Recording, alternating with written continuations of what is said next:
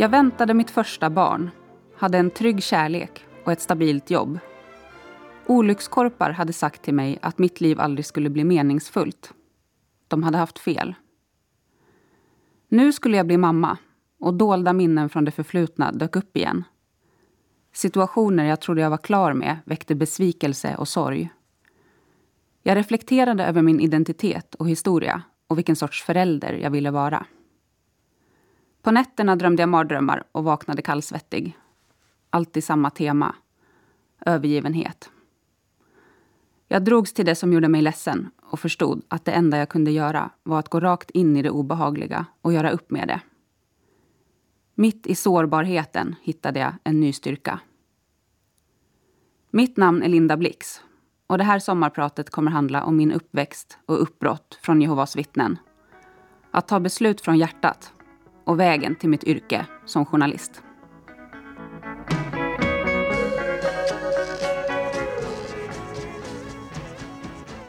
Det var Rolling Stones med Gimme Shelter. Jag växte upp i ett rött hus med gärdsgård i Lämböte med mamma, pappa och två yngre systrar. Jag gick inte på dagis eller fritids, men hade aldrig tråkigt. Med mina syskon och kusiner kunde rolllekarna pågå dagar i sträck ute till skogs. Produktionen av dagböcker och egna tidningar var ständigt pågående. Eller radioprogram och pjäser. Allt kunde bli en sketch. Och fick man de andra att skratta var det jackpot. Jag skrev påhittade insändare till debattsidorna. Här är ett exempel. Vi är två damer som bor nära vindkraftverken i Knutsboda.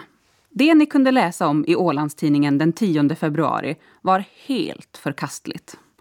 För om vindmöllorna tas bort är det vi som flyttar härifrån. Tänk så många fina minnen vi har av picknickar med barnbarnen på Knutsbodabergen. De har verkligen skänkt oss sann glädje. Högaktligen. Två upprörda Knutsbodaboare. Biblioteket var favoritplatsen. Jag läste allt som kom i min väg. Klassiker, sliskiga kärleksromaner och Bibeln. Så ser mitt konsumtionsmönster ut än idag. Högt och lågt, men mycket. Jag var tredje generationens Jehovas vittne. I min släkt hade vi inte högtidsfiranden som jul eller påsk. Jag deltog inte i religionsundervisning eller barnkalas. Vi väntade på Harmageddon, den stora slutstriden mellan goda och onda krafter. Kriget mot världens härskare, Satan, hade redan börjat och han gjorde allt för att vilseleda oss och få oss att gå över till hans sida.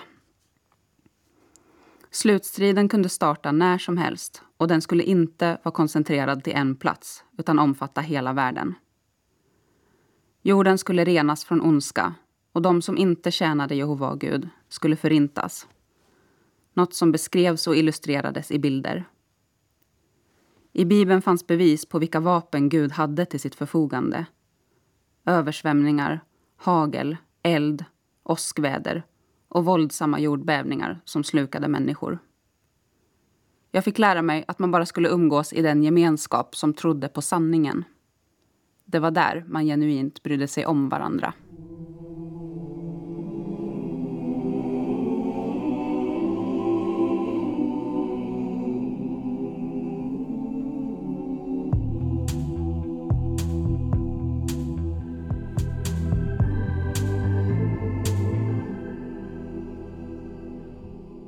Det var Leonard Cohen med You want it darker. Berättelserna från Gamla testamentet om israeliternas vedermödor var djupt inpräntade. När de inte lydde Gud straffades de, men när de var trogna och duktiga gick det bra för dem. Tre kvällar i veckan var det möten på Rikets sal. Bland annat retorikskola, där man lärde sig talekonst. Jag var ute och knackade dörr för att rädda liv och hade lärt mig fraserna utan till. Hej! Jag besöker mina medmänniskor för att finna dem som är uppriktigt intresserade av meningen med livet. Får jag läsa en bibelvers för dig? Jag förbereddes på vilka situationer som skulle kunna uppstå i skolan och hur jag skulle reagera och uttrycka mig. Visst kunde jag få något glåpord ibland. Jävla Jehovas. Men det var okej. Okay. Det var förutsagt i Bibeln att Guds utvalda skulle vara föremål för hat. Men den som var stark och höll ut till slutet skulle bli räddad. Jag skolades i att vara sträng mot mig själv. Och utanförskapet formade mig på något sätt till en självständig person. I församlingen kallades jag ofta för frimodig. Ett äldre uttryck för orädd. På Jehovas vittnens årliga storträff för Svensk Finland talade jag på scen om hur det var att stå upp som Jehovas vittne under programpunkten Tillbe Jehova trots förföljelse. Applåderna varade länge. När jag var 12 år vändes livet upp och ner. På det där sättet som sen präglar en. Man lever med vetskapen att vad som helst kan hända när som helst. Min pappa fick cancer och efter en jobbig sjukdomstid dog han på Ålands sjukhus ett halvår senare. Församlingen tröstade med att han fanns i Guds minne och skulle återuppväckas. Om vi fortsatte hålla oss starka i tron skulle vi överleva Harmageddon och belönas med evigt liv på en paradisisk jord. Där skulle vi träffa pappa igen. Nu gällde det mer än någonsin att inte göra några fel. Ur ett barns perspektiv upplevde jag att min egen sorg inte var lika viktig.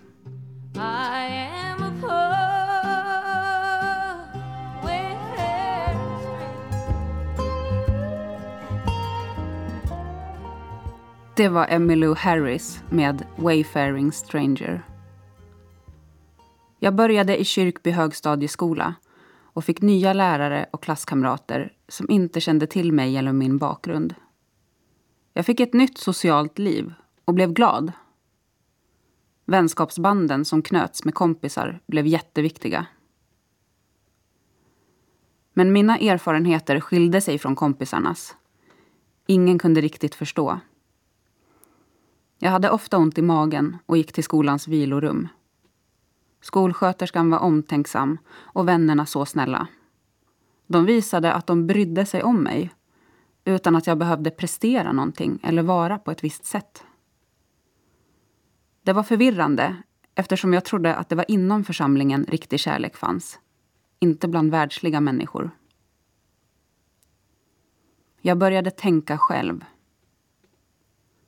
Med det följde mörka känslor av skuld och skam.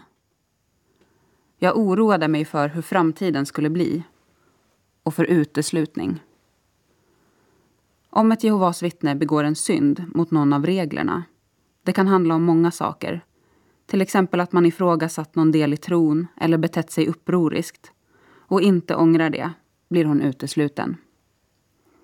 En person som utesluts från gemenskapen tar man tydligt avstånd ifrån. Det spelar ingen roll hur täta banden är eller om det så är en familjemedlem. Lojaliteten till Gud går före mänskliga relationer. Vid social utstötning etableras en känslomässig distans som gör att den tidigare gruppmedlemmen blir osynlig för de andra. Möter man personen på gatan hälsar man inte. Församlingen ska upphöra med all medveten interaktion med den avstötta individen efter ett formellt beslut från organisationens styrelse. Bryter man mot det är det grund för att själv bli utesluten. Inom psykologin kallas det för social exklusion. Man vet att det kan skapa skador hos den som utsätts för det. Vi är ju beroende av vår grupp. Vittnena menar inget illa. De följer reglerna. De är övertygade om att uteslutning skyddar församlingen och kan få den som har syndat att vakna till. Att leva i spänningsvidden mellan de här två olika världarna innebar stora påfrestningar. Du lyssnar på Sommarprat i Ålands Radio.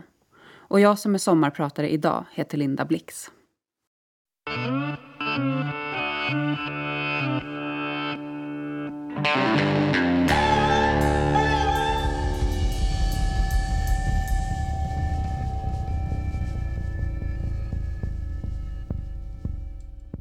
Det var Jack White med Highball Stepper.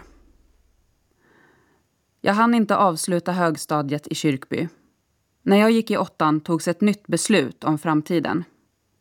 Barndomshemmet i Lämböte lades ut till försäljning. Vi skulle lämna Åland och komma till en ny församling i Sverige. Till ett sammanhang med mycket stark andlig gemenskap, fick jag veta. Nya auktoriteter kom in i mitt liv. De ansåg att man hade varit för slapphänt med mig. Jag hade fått för fria tyglar att umgås med världsliga människor. Nu skulle det tas i med hårdhandskarna och bli ordning och reda.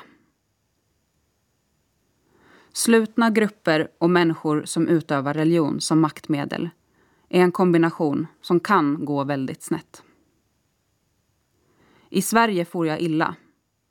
Men inga andra Jehovas vittnen ville eller vågade ingripa.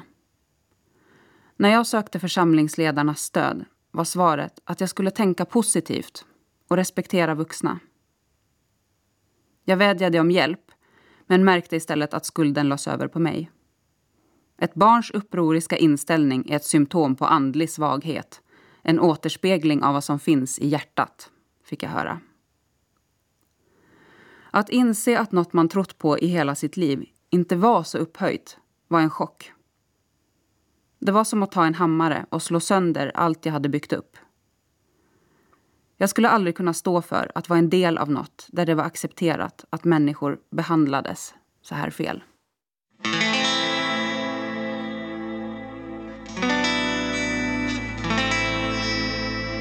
Jag vet när du kommer om natten Det var Paloma Leal med Slå dig trött. Jag var 16 år gammal och hade bestämt mig. Det var som en stark och lugn röst i mig. Jag lämnade mitt hem och var heller inte välkommen tillbaka dit. Man försökte inskärpa en känsla av misslyckande. Avståndstagandet hade börjat. Jag bröt ihop och bemöttes med Varför är du ledsen? Nu fick du ju som du ville. Det tog hårt att mötas av kyla och känna sig så lite värd. Lärare, socialtjänstarbetare och andra vuxna fångade upp mig. Istället för att tala om hur dålig jag var försökte de säga att jag var en kapabel person. Jag blev omhändertagen av en familj. Under flera års tid öppnade de sitt hem för en utåt sett stark och tuff tjej men som på insidan trodde att hon var dömd och avskydd av alla. De ville mig väl och det betydde mycket. Allt jag varit rädd för hade hänt och jag saknade fast mark under fötterna. Men jag var fri att bygga en egen identitet. Så småningom accepterade jag omständigheterna. Så här blev det. Det här är jag. Dags att ta sig vidare. Sen dess har mycket hänt. Idag är varken min mamma eller mina syskon heller Jehovas vittnen. Det finns också släktingar som har visat mig att det finns Jehovas vittnen som är godhjärtade människor. Min uppgörelse med religiös och social intolerans har gett större vidsynthet när det gäller andras personlighetsdrag, livsval och uppfattningar. Det är inte vår uppgift att tala om för andra vad som är rätt eller fel att tro eller hur man egentligen borde leva sitt liv. Trots konsekvenserna blev det i alla fall bättre för mig att följa min egen vilja. Något jag gärna vill säga till andra som går i liknande tankar. En annan bonus med att ha gått igenom det här är att jag vågar anta utmaningar och inte låter rädslor styra livet.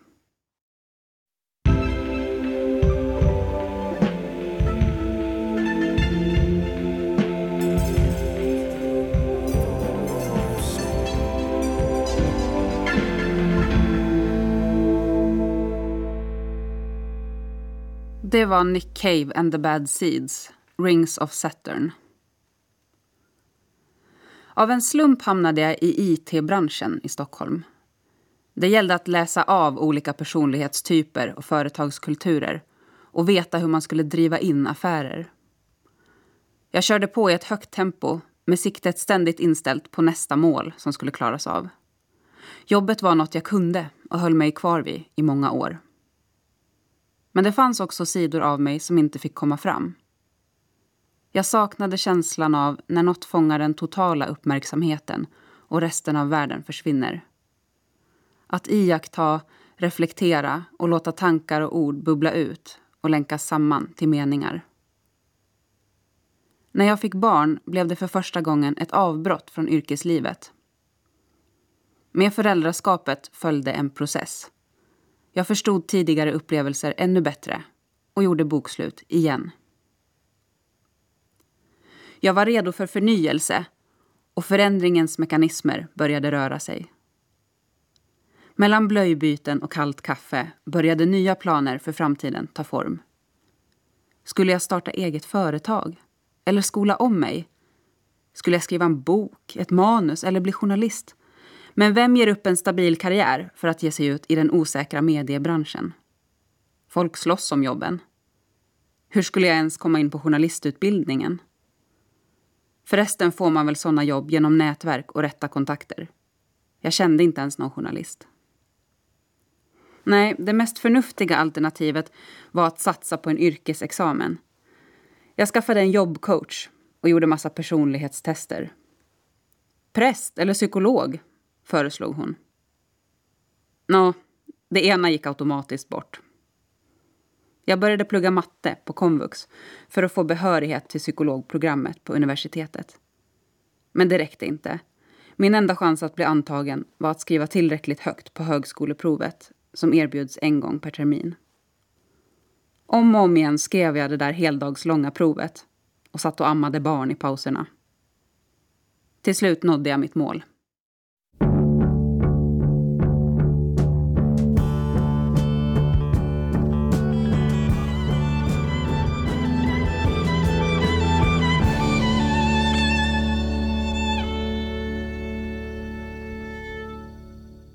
Det var Karen Dalton med Something on your mind. Föreläsningar, tjocka böcker och tentor. Nu var jag tillbaka i skolbänken. Jag fascinerades över allt jag fick fördjupa mig i. Tänk om folk hade vetat om de här sakerna. Tänk om man skulle kunna förklara psykologi för andra på enklare sätt och göra det begripligt.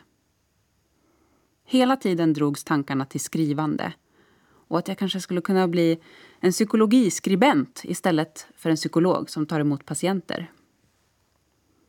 Jag skickade artikelidéer till redaktörer på tidningar och fick tillbaka tack men nej tack.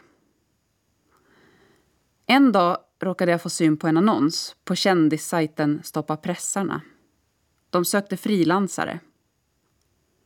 Jag tänkte att det kanske kunde ge mig någon slags inblick i hur mediebranschen fungerar.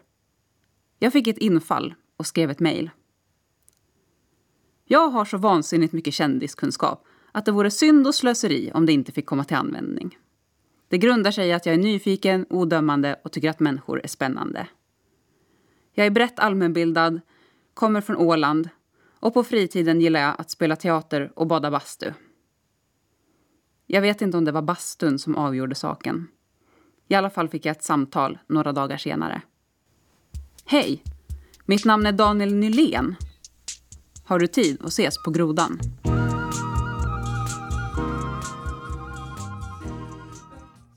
Det var Alessi Brothers med Seabird. Daniel Nylén var en beryktad kändisjournalist och gammal hovreporter som låg bakom otaliga löpsedlar genom åren. Han hade speciell humor och en skruvlös. Jag kände mig hemma med honom. Vi kom överens och jag började jobba för Nylén. Han kände allt och alla och invigde mig i en ny värld.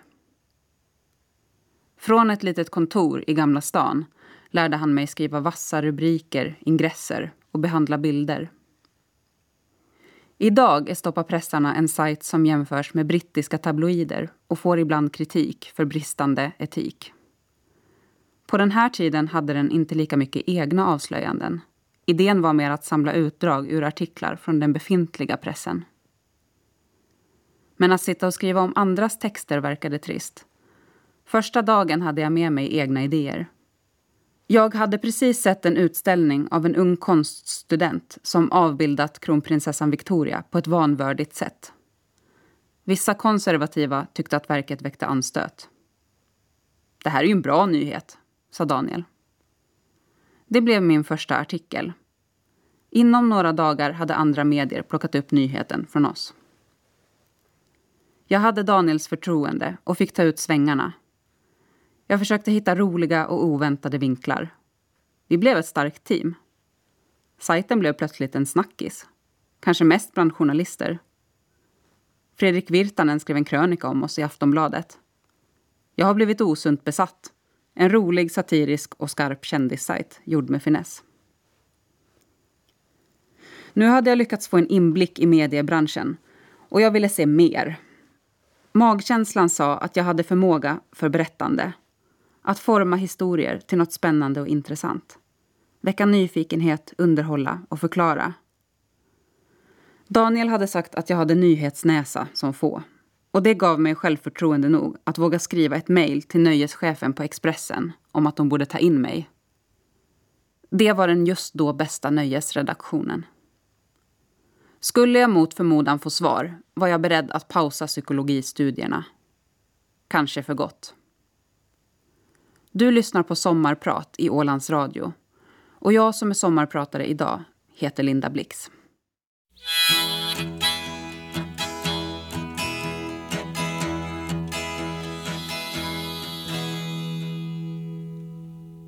Det var Bob Dylan med It's all over now, Baby Blue. Till min förvåning fick jag svar från Expressen.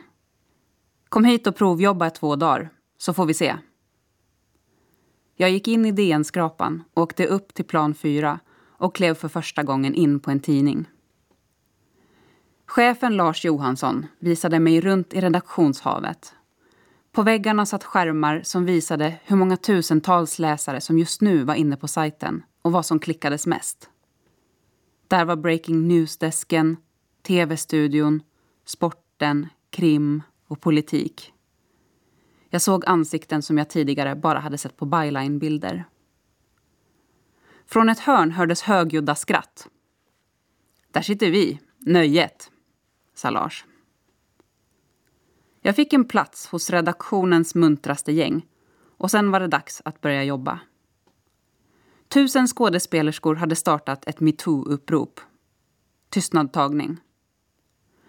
Gör telefonare med Lena Endre. Randa tvåspalt i printen. Lägg ut webb.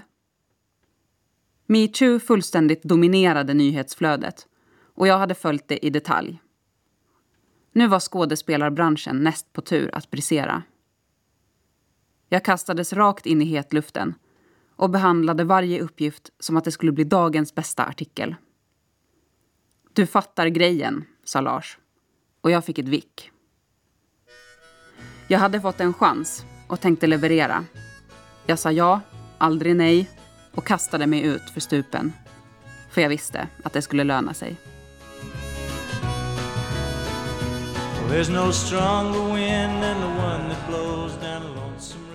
Det var Towns Van Sant, I'll be here in the morning. På kvällarna plöjde jag böcker om journalistik och intervjuteknik. Men hantverket lärde jag mig av mina chefer, kollegor, improvisation och många timmar vid tangentbordet.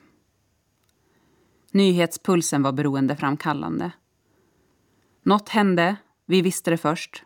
Som journalist kunde man lyfta luren, ringa vem som helst och fråga vad som helst. Att jag hade en annan bakgrund än andra journalister hölls inte emot mig. Tvärtom. Ett mediehus behöver sina olika karaktärer. En vanlig dag efter morgonmötet frågade Lars om jag kunde följa med bort till ett konferensrum. Inne i rummet satt några chefer på Expressen och de bad mig att slå mig ner. En kall kår gick längs ryggraden.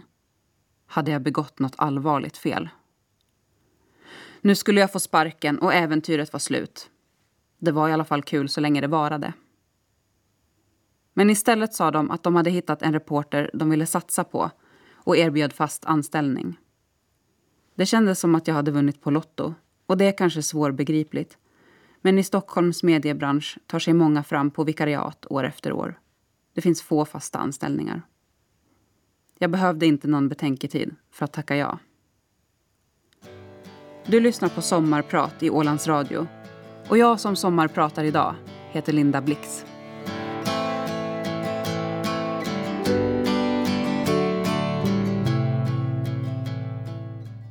Det var Patti Smith med Grateful. Ingen dag på Expressen var sig den andra lik. Jag har intervjuat en halvnaken Lotta Engberg i en loge på Liseberg och Tilde de Paula, påklädd, i Efter fem-studion. Snackat skolstrejk och Donald Trump med Greta Thunberg. Dansat bugg med finansministern Magdalena Andersson på Nobelfesten. Blivit utskälld av Anna Bok. Suttit i Jockibois Lamborghini.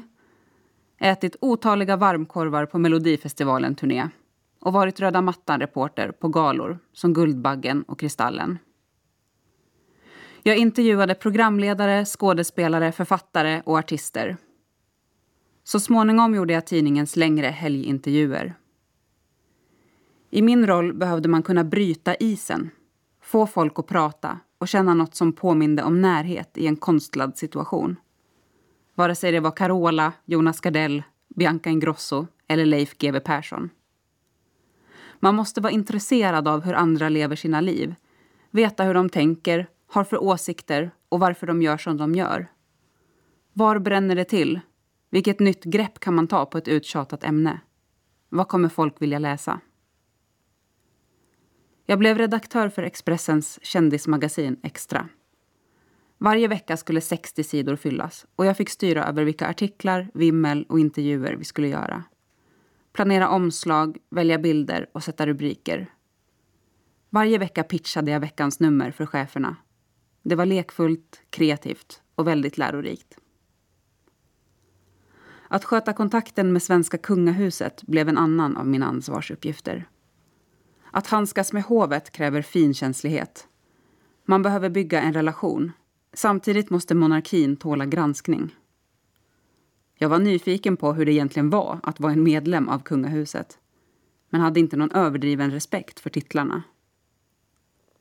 Jag har till exempel följt kronprinsessan Victoria på Öland och prinsessan Sofia i Älvdalen. Jag har fått en inblick i den stora apparat de är en del av. De är väldigt privilegierade och proffstrevliga. Alla webbartiklar mäts på antalet läsare och lästid. Jag kan bara konstatera att intresset för kungafamiljen är fascinerande stort. Samtidigt hade jag hög press på mig själv och förväntningar på vad jag skulle klara av. Rädslan för att bli negativt bedömd kunde hämma mig. Men jag lärde mig att acceptera att känslorna fanns där istället för att kämpa för att försöka bli av med dem. Jag försökte se på mig själv med samma överseende som jag såg på andra. Skäms inte för att du är människa. Var stolt, som Thomas Tranströmer skrev.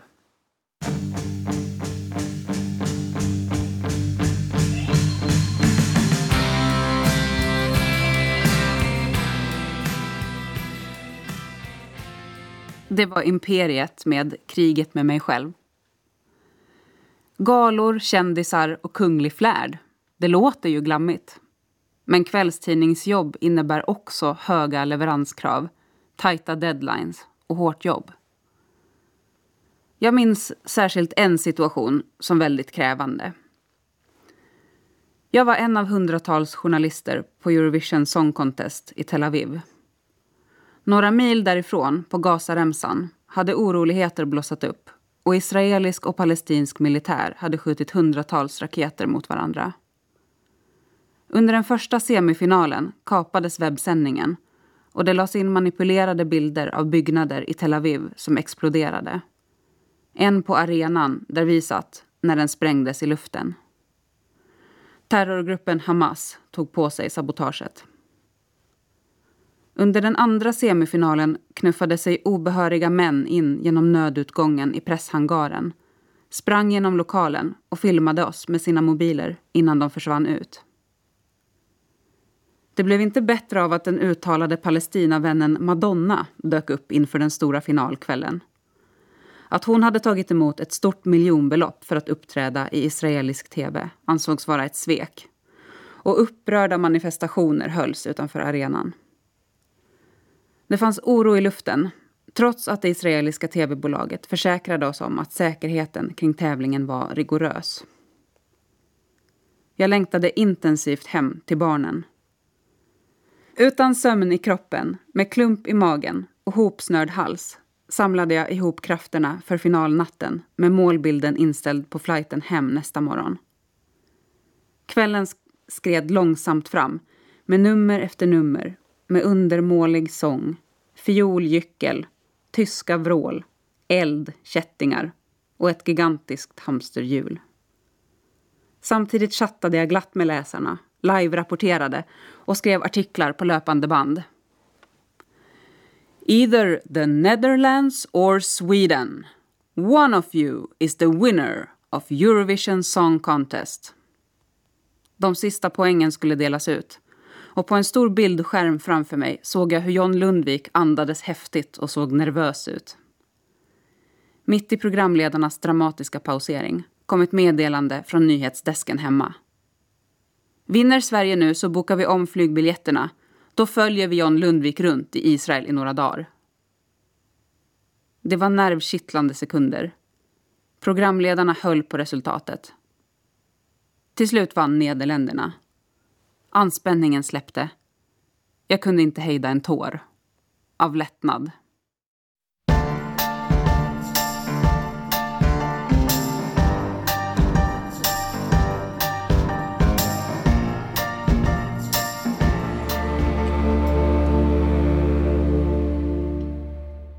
Det var Amy Winehouse med Back to Black. Svag annonskonjunktur tvingade mediehusen till sparpaket. Vi var inte förskonade och stämningen i huset var tryckt. Men i tuffa tider stärktes sammanhållningen mellan kollegorna. Vi var samspelta, effektiva och hade väldigt roligt tillsammans. Vi fick ett tips om att en tv-profil hade levt som sexarbetare utomlands i flera år. Nu var hon tillbaka i Sverige. Jag fick kontakt med henne. Hon ville berätta sin historia. Jag och en fotograf åkte ut till en förort. Kvinnan hade föreslagit att vi skulle träffas vid en kyrka. Jag tänkte inte på att jag borde ha sminkat mig, var det första hon sa. Du kan låna mitt smink, sa jag. Framför mig hade jag en tjej som var både skör och stark på samma gång. Vi började prata om smink, men samtalet gick sen vidare till hur hon hade hamnat i ekonomisk knipa och börjat dansa på en strippklubb. Det ena hade lett till det andra hon hade råkat illa ut och utnyttjats av både hallikar och torskar. Hon varnade andra tjejer. Du kommer få massa pengar i handen men din syn på människor kommer bli så förstörd att du aldrig kommer kunna se på en familjepappa på ett sunt sätt igen.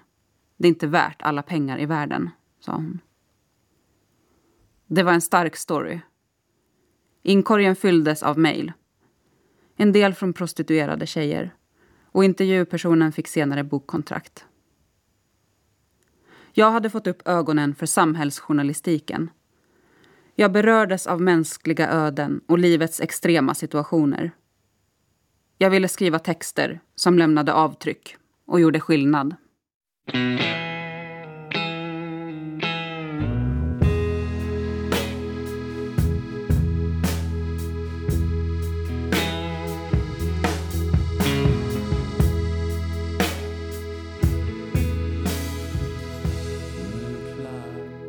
Det var Stefan Sundström med Amors pilar. Tillvaron tar ständigt ny form och skepnad. Och nu var det dags att ömsa skinn igen. Andra frågor ställdes på sin spets. Som var ska barnen gå i skola och ha sin uppväxt? Valet föll på Åland.